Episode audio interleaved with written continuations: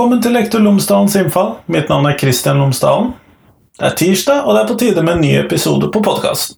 Denne uken så har jeg ikke et nytt intervju til dere, men jeg har øh, snakket litt om øh, hvorfor det er viktig for skoleelever å lese i sommerferien, og hvorfor det er viktig å bruke hodet i løpet av sommerferien for elevene. Dette er basert på teksten som jeg hadde på NRK Ytring denne podkastepisoden blir også publisert som en video på Facebook.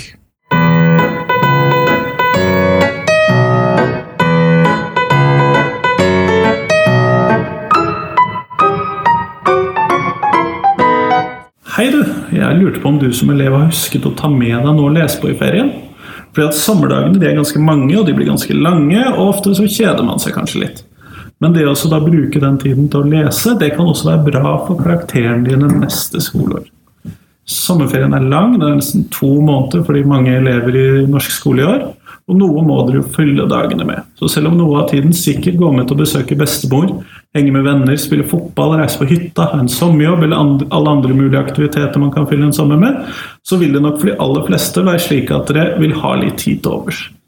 Er det fint å ha en bok eller flere å bruke tiden på. Slapp av i sol, skygge eller regn med en annen verden eller andre perspektiver. Enten det er oppveksten til Zlatan å redde verden sammen med Shanaras etterkommere og overleve dødslekene, eller Lisa Marklunds bok om kvinnekamp og likestilling som står på programmet. Du spør sikkert hvorfor bryr du meg om du leser i sommerferien? Det er flere grunner til det. Både fordi jeg selv setter stor pris på bøker, og fordi det er en glimrende kilde til både kunnskap og underholdning. Viktigst av alt er at lesing er noe som opptar meg fordi at jeg er lærer for elever akkurat som deg. Kanskje faktisk akkurat som deg, eller for deg tidligere. Det viser seg nemlig at sommerferien for mange er for lang, særlig for de elevene som kanskje allerede sliter litt på skolen. Og det blir for lang tid uten en del av de aktivitetene som er viktige for læring og skolegang. Dette gjør at en god del av elevene opplever det som på godt norsk heter 'summer learning loss'. Dvs. Si at deler av den kunnskapen du har brukt tid og energi på å erverve, vil forsvinne fordi at hjernens aktivitetsnivå ikke holdes ved like. På samme måte som at musklene blir svakere hvis du slutter å bruke dem. Du kan rett og slett havne bakpå om du ikke leser litt i løpet av sommerferien. Og når jeg snakker om lesing i denne sammenhengen, så mener jeg lesing i en ganske vid forstand. Det spiller nemlig ingen rolle om det er kompisen din som leser for deg, om du hører på en lydbok, leser punktskrift, koser deg med en god tegneserie, eller leser en roman eller biografi. Det er ikke det som er viktig. Det er aktiviseringen av hodet som er det viktige. For nettopp da har du muligheten til å forhindre læringstapet eller gjøre det mindre. Dette læringstapet og middelet mot det er det samme som for alle elevene. Men det er dessverre slik at de elevene som allerede sliter mest på skolen, taper mest på å ikke opprettholde lesingen over sommeren. Det er også de samme elevene som i minst grad leser over sommeren, selv om de i ferien har størst mulighet til å velge lesestoffet selv, i motsetning til i skolehverdagen. Du har sikkert sett på amerikanske filmer at de, der har de en liste med bøker som de må lese om sommeren. Det skulle jeg også ønske at vi hadde i norsk skole.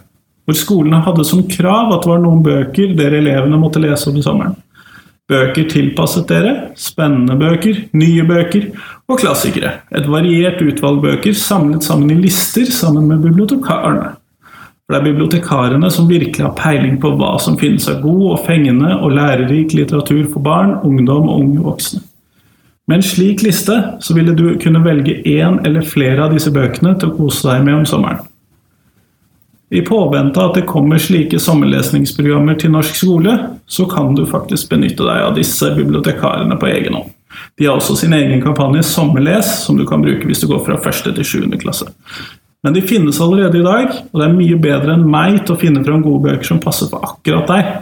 Best av alt så er de faktisk tilgjengelige selv når du er på ferie, enten du besøker ditt lokale bibliotek, eller biblioteket der hvor du er. Det er gratis uansett hvor i landet du er. Og Kanskje du også kan ta med deg en venninne på biblioteket. Eller om du allerede leser en del, så har du kanskje en god bok å foreslå for en kamerat. E-bøker kan jo være det enkle alternativet. Fordi de kan kjøpes på nett uansett hvor i verden du måtte befinne deg. For noen år siden så lå jeg på stranden på Gran Canaria og kjøpte resten av bøkene i Game of Thrones-serien. Rett og slett for at jeg måtte lese videre.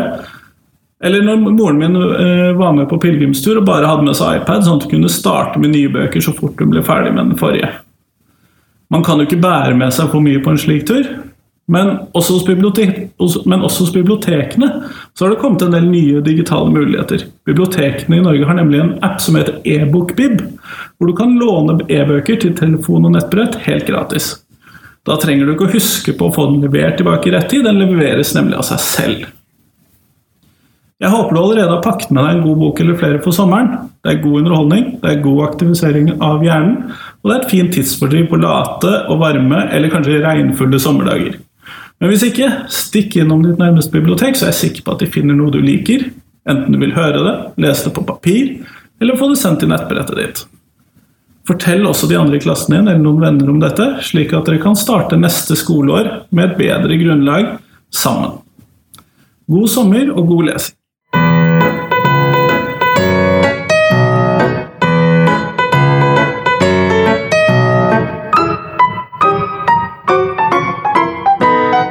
Tusen takk for at du lyttet til denne lille sommerferieepisoden av en podkastepisode. Neste uke så er jeg nok tilbake med litt mer vanlig innhold, et vanlig intervju.